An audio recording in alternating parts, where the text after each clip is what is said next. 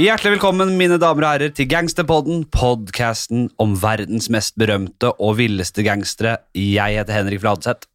Og jeg er Jim Fosheim, og dette er da del to av historien om Frank Lucas. Mannen som gikk fra fattiglus i South Carolina til å ta livet av Harlems fryktede eh, gangstertango på 2 meter og 120 kilo i gatene av New York. Har du ikke hørt del 1, som kom i foregående uke, så anbefaler vi at du går og hører på den før du starter med denne, Se om det er hyggelig at du hører på den også. Ja, Kjapp oppsummering fra sist gang. Mordet på denne Tango fanget oppmerksomheten til en av Harlems største gangstere på den tiden, Bumpy Johnson. Han tok Lucas eh, under vingene, og da Bumpy Johnson døde, bestemte Lucas seg for å ta over hans territorier.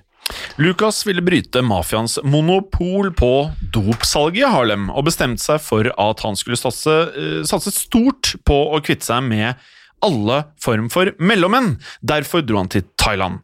Han kjente verken landet eller språket, men var likevel fast bestemt på at eh, dette var noe han måtte gjøre i egen person, helt selv, og ikke sende noen i hans plass. Ja, ikke sant? Lukas måtte gå rett til kilden dersom han ville da kutte ut mellommennene i dopsalget. Han landet i Bangkok 1968 og sjekket inn på The Dusit Tani Hotel. På hotellet traff han en amerikansk mann ved navn Leslie Atkinson.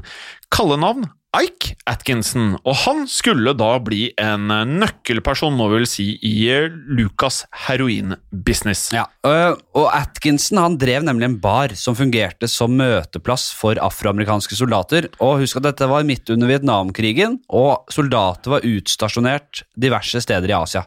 Gjennom baren så hadde Atkinson soldatkontakter over hele Sør-Asia, og han pleide ofte også å skaffe dop for uh, disse gutta.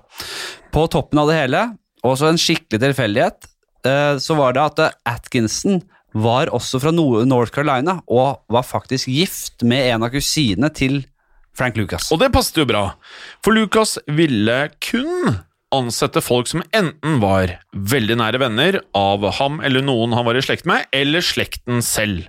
Han mente landsens folk var lojale mot arbeidsgiveren sin, men at byfolk når som helst var klare til å dolke eh, deg eller andre eh, businesspartnere i ryggen. Siden Atkinson viste seg å være eh, en slekt da fra landsbygda, så ble de enige om å samarbeide. Som du sikkert vet, Flatseth, så er eh, det å stole på familie et godt tegn på en smart gangster. Det har jeg fått med meg. Uh, Jim uh, Atkinson nå, Dette her liker jeg godt, fordi Atkinson hadde en businesspartner. Ja. En Rolls-Royce-kjørende kineser som Lucas senere begynte å kalle 007. Fordi han mente da at mannen var en kinesisk versjon av James Bond selv. Han må ha sett flott ut. Ja, det har sett veldig flott ut, selvfølgelig. Og elegant. Og han hadde kanskje den der elegansen og kjørte fe fete biler, hører vi, ja. med Rolls-Royce. Eh, denne 007 kontrollerte store åkre fulle av valmuer, som han deretter produserte dop av i huler i fjellet. Og bare legge til at opiumvalmuen, eh, som eh, jeg har sett i blant annet eh, Ozark, denne filmen ja, ja. Der du, der, serie, i hvert fall. Der dyrker de, ja, denne serien Ozark, der de, de dyrker disse valmueslettene. ikke sant? De er veldig viktige. Opiumvalmuen mm. det er da planten man lager såkalte opiater av, som morfin og heroin. Lucas han insisterte på at han måtte se dette med egne øyne. Derfor reiste både Lucas og Atkinson gjennom Thailands jungel i to uker for å møte eh, 007, Atkinsons partner. Tenk deg det, Jim. Reise to uker gjennom jungelen. Det er eventyr. Jeg eh, er ikke skrudd sammen til den type ting, men i selve filmen The American Gangster så er dette her en kul, kul sak. Ja, helt klart. Og litt skummelt. Selvfølgelig. Nei, jeg er heller ikke skrudd sammen i nærheten av skrudd sammen sånn. Men vi er litt blaute, vi, Henrik. Det som møtte dem, var jo altså Lucas elsket dette, denne heroinproduksjonen, eh, og kjøpte også med seg hele 132 kilo heroin for å ta med hjem bare på den første turen. Og dere husker at uh, Askinson hadde disse militærkontaktene over hele Sør-Asia. Mm. Ja, så han uh, og Lucas satte opp et distribusjonssystem, en Army within the Army, oh. der de bestakk rekrutter, offiserer og annet korrupt militærpersonell for å transportere heroinen gjennom Asia. Heroinen skulle sendes med militærfly fra militærbase til en militærbase, og etter hvert smugles inn i USA og selvfølgelig videre til Harlem i New York. Transporten var på plass, men så måtte Lucas finne ut hvordan eh, Ingen skulle da skjønne at det var heroin som ble transportert over grensene. Grensevaktene var for mange til å kunne bestikkes under ett. Og for Lukas han var smart, og han fikk en idé. Han har fortalt uh, senere da at han og Atkinson fløy en dyktig snekker fra North Carolina, uh, fra landsbygda der, over til Thailand, der snekkeren lagde 28 kopier av offentlige likkister, dvs. Si sånne man sendte døde soldater hjem i. Og Vietnamkrigen uh, krevde som, som, kjent sine ofre. Lucas påstår at de lagde likkistene med falske dobbeltbunner. Smart. ja, ja, smart selvfølgelig. Der de kunne gjemme heroin i det mellomrommet. Og når likene ble sendt til USA, ville de komme med heroin i kistebunnen. Lucas allierte der ville ta opp den falske bunnen og finne da heroinen gjemt under. Ja. Ryktet om dette her. Eh, ballet på seg i ettertid, og han har fortalt at noen folk eh, gikk så langt som å mene at han og Atkinson sydde heroinen i pakker inn i selve likene til soldatene, men det skal de ifølge Lucas ikke ha gjort, altså. For Lucas nektet å ta i noe som var dødt, sa han selv. Mm. Eh, han var detaljorientert og likte å, personlig, som vi merker her, å være med i eh, sine egne forretninger, så han var faktisk med på de aller fleste av heroinoperasjonene sine, og var fysisk med og smuglet all dopen fra Asia til USA. Og det er jo ganske gangsterboss å gjøre. Ja, en Veldig hands on-type. kan Litt si. Hands on-type leder. Ja, Men han ville altså ikke sy noe inn i lik, bare gjemme det under dem. Uh, falske kistebunner virker jo genialt, men vi, vi må være ærlige her. fordi Atkinson, han eh, smuglerpartneren i operasjonen, har i ettertid sagt at eh, det med de falske kistebunnene det var fullstendig løgn og fanteri fra Lucas sin side. De smuglet aldri heroin i falske kistebunner med døde soldater i. Men en uh, kul, et kult oppspinn av Lucas. Da. Selvfølgelig, og ja. det blir god film av det. Og god podkast. Eh, podcast. Uh, ja. Det har vist seg rett og slett at Lucas likte å pynte på sannheten for å gjøre det mer dramatisk og spennende. Ifølge Atkinson så smuglet de heroin innegjemt i i vanlige møbler, ikke likkister. Det er jo kanskje litt mindre dramatisk, men det funket bra for eh, de flere dusinene med smugleroperasjoner som ble gjennomført. Og når heroinen kom frem til Harlem, da var Lucas kongen i nabolaget. Og det var nå på tide å bli aldri så eh, lite styrtrik ja. og erkjenne at man nå hadde fuck you money. Ja, nå var det i gang. Eh, og for å hjelpe Lukas med selve salget, så hyrte han inn sine fem yngre brødre og flyttet dem til New York. Og han stolte bare på slekt og venner fra landsbygda, som dere husker, fordi han mente at det var mindre sannsynlig at de ville stjele fram. Ingen skulle, og jeg sier ingen, skulle, ingen. ingen skulle stjele så mye som en dollar fra dette voksne imperiet til Frank Lucas. Eh, de fem brødrene hans ble kjent som The Country Boys og spredte da kontrollen sin eh, utover Harlem. Og uten eh, mellommenn i bildet så kontrollerte Lucas personlig at heroinen han smuglet inn, var nesten helt ren. Da kunne han blande heroin akkurat som han selv ønsket, og han markedsførte seg nettopp med dette. Vi skal ikke så mye inn på selve kjemien i dop, kanskje, men konkurrentene solgte dop som var, ja, man mente jo at det var 56% ren heroin, mens Lucas selv, han skrøt at hans heroin var mellom 10 og 12% mm. ren, altså dobbelt så hissig. Ja, Og ingen skulle stjele så mye som et milligram av den han likte ikke heroinen heller. Han ville ikke det. Nei, han var, uh, han var på vakt. Uh, han skulle og, maksimere profitten. Ja, ja, det var ingen, det var ingen Altså, han var utrolig nøysom her, altså. Mm. Uh, og Lucas hyrte inn unge kvinner til å blande heroinen når den kom til New York, og det er ikke helt tydelig om disse telte under reglene om liksom, slekt og venner, disse damene, da. Men Harlems nye heroin heroinkonge skulle ha full kontroll, og han var jo da på grensen til paranoid. For å forhindre tyveri så fikk ikke de tolv blandekvinnene, hvis jeg kan kalle dem det, lov til å ha på seg noe som helst annet enn plasthansker og masker. Eller så var de da splitt eh, De var nakne. Ja, I filmen så har de på seg truse. Og har de det? Ja, de har det i filmen, men eh, det er en fin versjon, det her, for så vidt.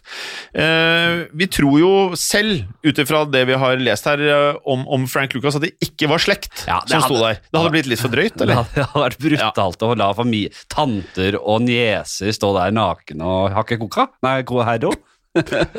Ja. Men um, sent eh, 60-tall og tidlig 70-tall så ble Lucas altså han ble Harlems ubestridte og uovervinnelige heroinkonge. Penga raste inn, eh, for alle på gata ville ha heroinen til Lucas, det nemlig Blue Magic, som han kalte det. Dobbelt så sterk. Dobbelt så sterk. Lucas veltet seg penger, og iblant eh, var det rett og slett så mye spenn at Lucas ikke hadde plass nok han, til å gjemme alt sammen. Og for å løse dette plassproblemet så kjørte Lucas pengene personlig, og han ville jo helst gjøre alt selv, så han kjørte flere sekker stappfulle av penger til forskjellige banker og satte dem inn der. Det her kan man jo kalle et uh, luksusproblem, altså et gangsterluksusproblem. Uh, vi kommer jo til å høre at det er flere gangstere i Gangsterpodden som har dette problemet. Spesielt en uh, episode dere alle kan glede dere til, som er om Escobar. Han slet noe grusomt med et rotteproblem, som spiste mye dollars. Uh, uansett, tilbake til Frank Lucas. Um, Rikdomsdrømmen til Lucas gikk, som dere hører nå, i oppfyllelse. På toppen av karrieren hans, bare for å sette dette her litt i perspektiv, Henrik, så var det sånn at Lucas han eh, hadde casha inn og eh, satt inn over 52 millioner dollar i forskjellige banker, som omtrent er, hvis vi inflasjonsjusterer det til eh, verdier i dag, så blir dette 347 millioner dollar. Og det er litt. Eh, og hvis vi eh, da har regnet riktig, som jeg tror vi har gjort gjennom eh, diverse apper som jeg har lasta ned på mobiltelefonen min, så tilsvarer det her over 3 milliarder norske kroner i dag. Så fuck you, money. Det er så mye penger, det. Og, og ikke bare eh, hadde han de penga, men han satt også igjen med 1000 kilo heroin. Eh, lett tilgjengelig heroin, som var verdt 300 000 dollar per kilo. I dag omtrent 2 millioner dollar. Det vil si 18 millioner øh, kroner for ett kilo. Så kan dere da gange opp den summen med 1000, hvis dere har veldig lyst til det. Det er syke tall, eh, Flatseth. Så syke tall at vi egentlig ikke klarer helt å prosessere det. Ja, og Lucas var jo, han elsket jo denne rikdommen, og, og nå som han hadde alle pengene han noensinne hadde drømt om, så skulle han vise det frem, han skulle flashe, og tidlig i 70-årene så ble Lucas ofte sett på Manhattans hotteste nattklubber, han kom gjerne sammen med berømte atleter og eh, kjendiser, og kona. Hans kjøpte en chinchilla-pelsjakke. Eh, Som vi har allerede prata litt ja, om. og det er denne chinchilla-pelsjakken til datidens 50 000 dollar, og med en 10 000 dollars matchende pelshatt til han. Eh, I norske 2019-2021-kroner eh, så er det omtrent eh, tre og en halv mill. for det chinchilla-pelssettet der. Og mannen, han, han handlet ikke på Jack and Jones, for å si det sånn. Han gjorde ikke det, for Jack and Jones er ikke like dyrt. Det er, Det er det du mente med det. Med den, den der. Lukas han elsket denne pelsen og ble ofte avbildet med den. Og hvis dere ser eh, bare et Google- ja, hvis dere googler, så kan dere se han går i den pelsjakka og den hatten. Det, det er flere bilder av det. Og det er den ekte Frank Lucas er da han som ikke ser ut som Denzil Washington. Og Han var jo da litt av et syn, for jeg googla Frank Lucas ganske mange ganger. Og jeg har sett han da i American Gangster. Og jeg kunne godt tenkt meg dette utstyret her, men jeg tror ikke jeg hadde turt å gå med det. Nei, du, har, du, du, har, du er lysten på litt sånne ville klokker og litt pels, Ja. og du har det i deg. Ja, jeg, jeg skulle ønske jeg var en SoundCloud-rapper, men jeg har ikke det som skal til for å være det. Eh, Lucas investerte også i leiligheter og kontorbygninger i Detroit, Los Angeles, Miami og Puerto Rico. Og på toppen av det hele kjøpte han en ranch som han kalte Paradise Valley, som da var i North Carolina. Med tilhørende åkre så langt mitt eh, øye kunne se. Der holdt han de eh, dyreste av kyr og okser, som i, eh, Du er jo en matens mann, Fladseth. Ja. Vi vet jo at hvis kuene og kyrne får litt eh, sutte på litt øl, Ja. og du balsamerer og, og, og masserer kuene, så blir det jo godt kjøtt av dette her. Sånn ordentlig godt marmorert superkjøtt. Ja. Ja. er en amerikansk variasjon av Kobe, nesten. Han var ikke så frekk at han hadde valmue, opium-valmueblomster i åkeren, jeg. Han burde kanskje Nei, skal han holde langt unna livet og virket sitt, vet du. Ja. Langt unna. Fly, altså mange flyturer unna. Eh, han kunne også eh, Han var ikke snau nok til rett og slett at han kunne ta seg en, en dakk, altså bare rett og slett en flytur over til Paris bare for å spise middag.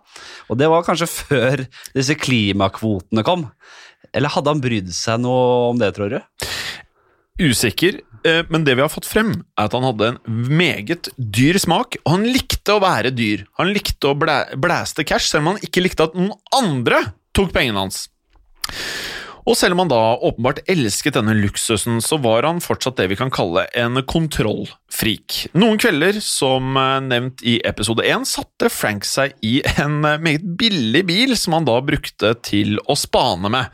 Og med falskt skjegg, briller og eh, parykk så kunne han parkere på diverse gatehjørner i Harlem, han kunne følge med på sine egne doplangere in action og sjekke at de ikke gikk bak ryggen hans og deala på noen annen måte enn det han mente var en bra måte å deale do på. Og det er så smart, Tim, fordi da, så ved å gjøre det, så, og, og det, hvis jeg det ryktet kommer ut, da, Ja. så, har, så er det ikke én dealer som ikke er redd for å gjøre jobben. Altså, Alle er pissredde, de må gjøre Ja, ja. jobben sin, fordi Frank kan sitte med løsskjegg og bart på hvert gatehjørne og se på. Liksom. Han kan gjøre det! Nei, nei, nei, han, er, han er litt av en type, ass. Eh, Og hør på det her, fordi han skulle egentlig spilt i en Hollywood-gangsterfilm kalt The Rip-Off, og han donerte 100 000 dollar til eh, produksjonen og lot dem låne flere av disse luksusbilene hans. Men filmen ble dessverre aldri ferdig, eh, og alt de rakk å ta opp, har gått, gått tapt, rett og slett. Utrolig, utrolig surt og skuffende. Vi kunne faktisk her hatt en film med selveste Frank Lucas i. Film eller ei, Fladseth, så levde Lucas eh, luksuslivet han bare kunne drømt om i oppveksten i North Carolina. Dopbruken var eh, og det er greit å få frem i eh, vår første det selv om det er en dobbeltepisode, første episoden av Gangsterpodden, bare at det, for der kommer du til å høre mye om, det var et ekstremt høyt forbruk av narkotika i spesielt New York på 60- og 70-tallet. Og Lucas han var den som tilbød de sultne, sultne menneskene og det sultne markedet alt de trengte av spesielt heroin. Det var hippietider, og folk uh, skafta i seg det ene og det andre, ja. Det er ikke noe tvil om det. Eh, men det var ikke alle som var like begeistret for dette her. Eh, en butikkeier i Harlem han svarte dette på et eh, intervju om hvordan det gikk i bydelen hans under Lucas eh, regime. eh, regime. Regime. Eh, we're being destroyed by dope and crime every day. Og New York-politiet var gjennomkorrupt og tok gjerne imot bestikkelser fra Lucas for å se en annen vei. En gang ble Lucas eh, tatt han betjent med hvor han hadde altså haugevis av kokain og heroin i bagasjerommet i bilen sin. Og eh, det er jo enkelt å tro at eh, for en vanlig pjokk så kan jo det bety slutten på luksuslivet, men da han kom ned på stasjonen, trengte ikke Lucas gjøre mer enn å tilby politibetjentene 30 000 dollars og en liten andel av dopet de hadde tatt ham med, da. Og da fikk han gå rett ut av stasjonen uten en eneste anmerkning. Ja, eh, Det gir jo uttrykket 'lovens lange arm' med ny betydning, eh, mener jeg. Ja. Altså lang arm i den forstand at eh, den går, stikkes stikkes rett ned i pengesekken til Lucas, ja. Ja. Um, og Frank han var ikke den eneste som slapp unna ved å bestikke korrupt politi. Uh, nyheten om hvor gjennomsyrt eh, korrupt deler av New York-politiet var, skapte da voldsomme reaksjoner eh, i det 60-tallet ble til 70-tallet. Justisdepartementet krevde en opprydning, og eh, det annet formet en spesialavdeling i New Jersey kalt The Special Narcotics Task Force, ledet av Richard Roberts, som var kjent for å være komplett ubestikkelig. Og dere lyttere skjønner jo hvem de skulle begynne å etterforske. Det var selvfølgelig Harlems heroinherre.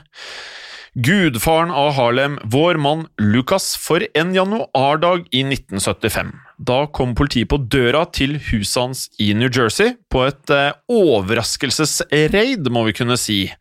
Um, og min favorittdetalj her er at eh, da kona til Lucas så politiet komme, så fikk hun panikk og hev flere kofferter stappfulle av penger rett ut av eh, baderomsvinduet, i håp om at eh, politiet ikke skulle finne eller legge merke til uh, disse pengene. da. Kaster ut av vinduet bare. «Øh, Håper ikke leter rundt huset. Nei.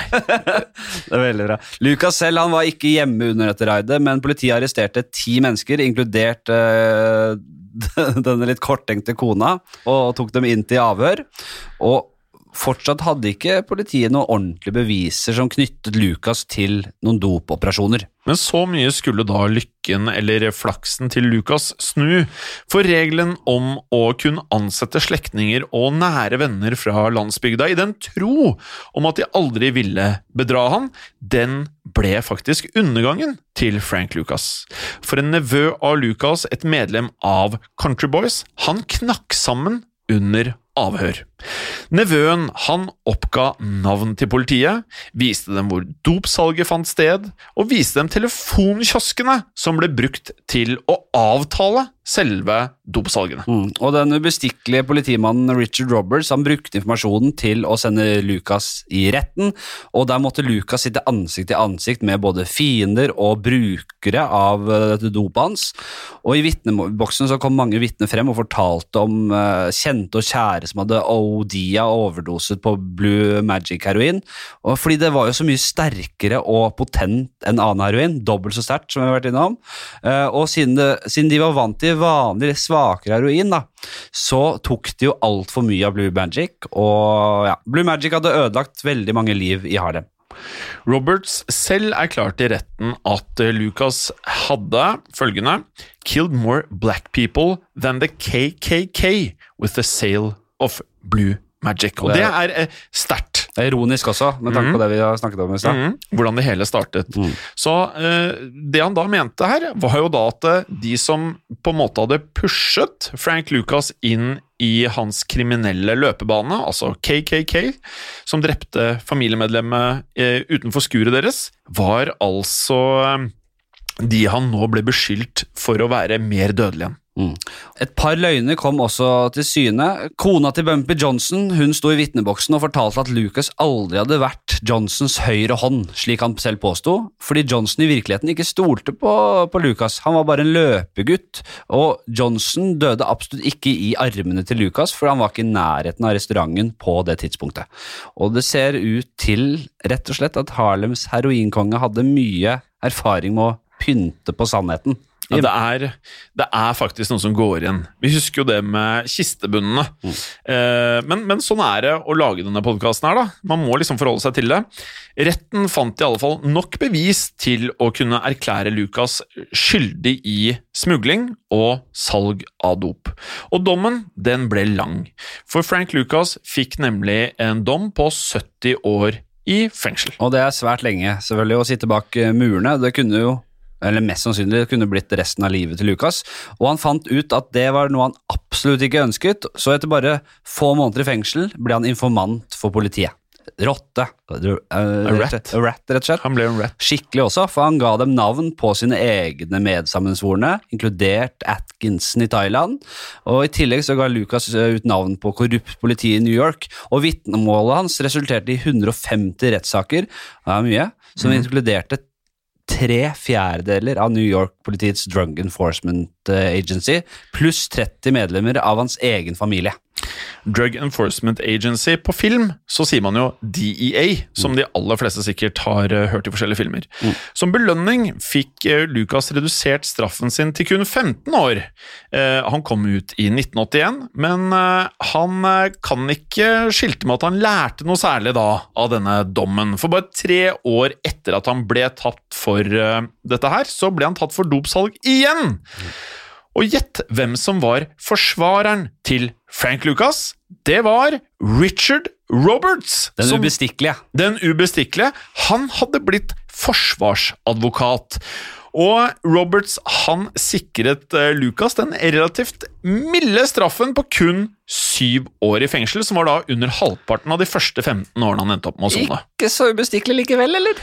Nei, kanskje ikke. Og Da Lucas kom ut igjen i 1991, kontaktet Roberts han og tilbød han hjelp til å få livet på rett kjøl, og han aksepterte Roberts hjelp, og det endte med at eh, de fikk et såpass nært forhold eh, at forsvarsadvokaten ble gudfaren til sønnen til Lucas. Mm. Man kan jo nesten føle at det er en hyggelig historie, men uh, med tanke på at Lucas uh, var Roberts nemesis, så er det jo litt spesielt. Ja, helt klart. Uh, ja, men som sagt, for en rotte han Lucas ble, da.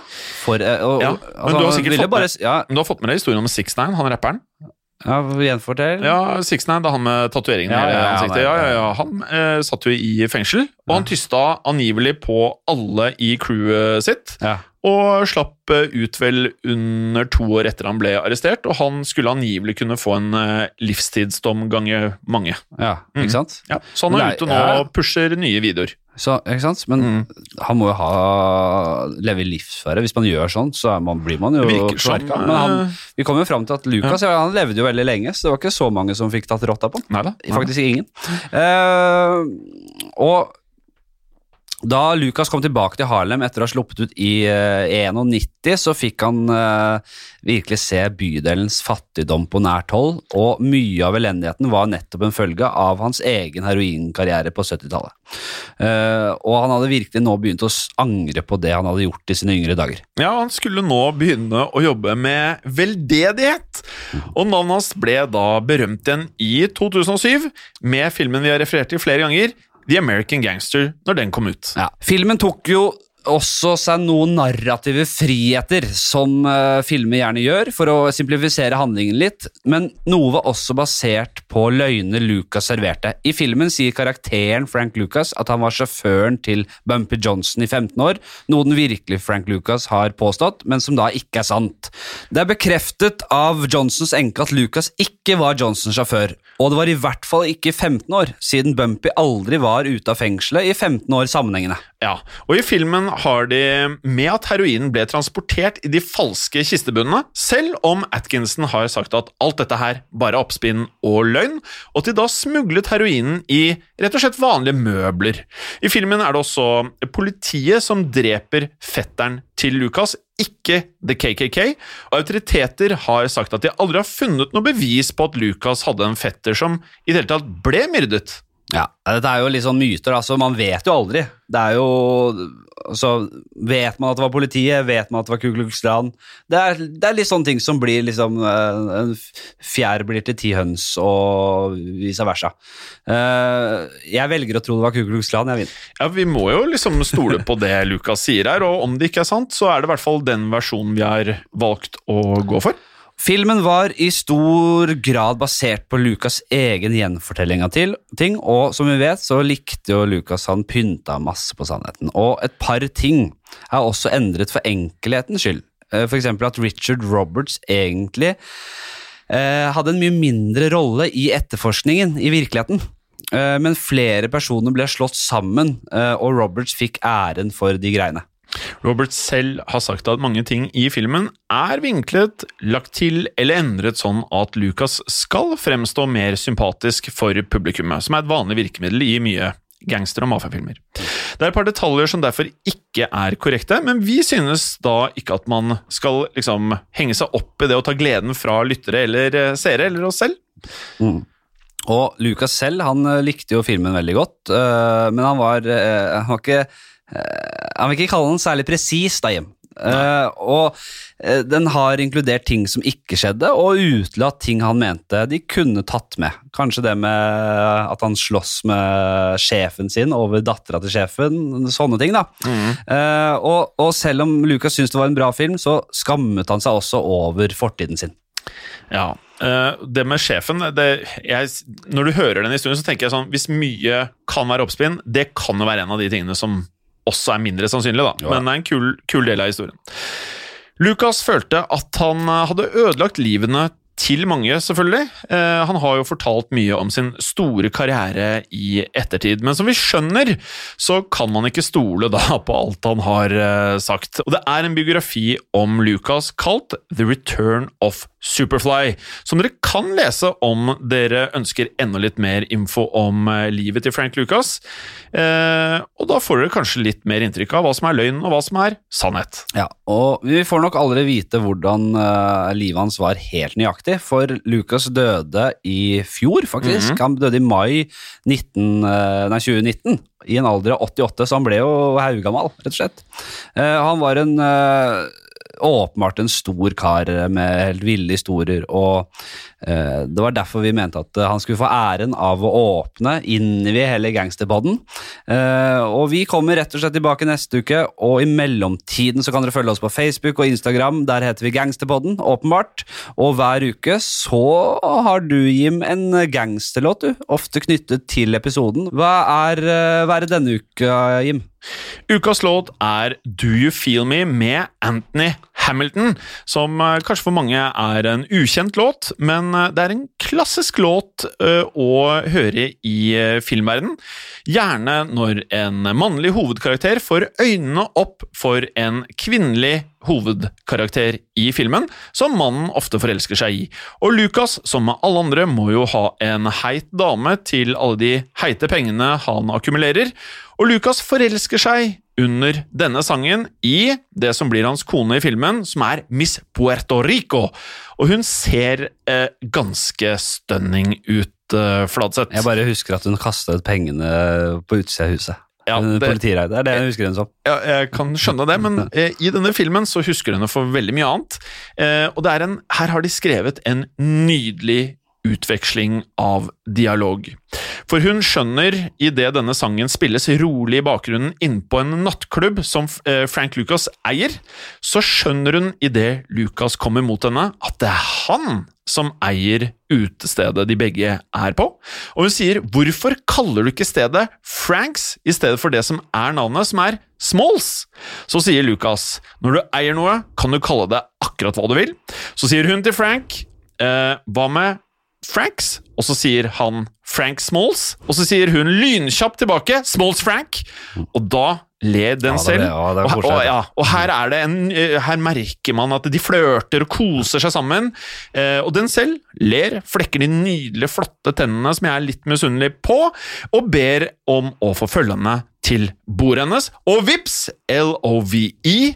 Og denne sangen fortsetter mens man går bort til bordet, og man skjønner da at dette er de to som kommer til å leve ja, resten av sine gangsterdager sammen. Sangen er også remixet av Ghostface Killa, hvis man ønsker en liten remix Ja. av denne nydelige Do You Feel Me av Anthony Hamilton. Det er remixen jeg skal høre på. Jeg skal, jeg skal, nå er vi ferdige, vet du. Nå skal jeg på med nytt headset. Og så skal jeg ha Ghostface Kill-versjonen. Ja. Og skal jeg rett og slett eh, danse meg ned til å få se om jeg finner noe Blue Magic. Ikke et syn jeg ønsker å vitne, men for dere lyttere så er det sånn at eh, når vi prater om disse sangene, så går dere inn på Spotify. Hvis dere hører på podkasten på Spotify, så er det veldig enkelt. Og da har vi lagd en spilleliste som kommer til å hete Gangsterpodden, der dere finner disse sangene. Yes. Nei, men Det var vel egentlig alt eh, for denne gang. Det var gøy å bli kjent med Frank Lucas og hans liv. Det var én ting til, Jim. Eh, Det, det er en ting du må huske på, Flatseth. Ja. Og det er jo selvfølgelig å holde meg unna fiskene. Men samtidig at du holder deg ganske gangster. Yes, Vi snakkes!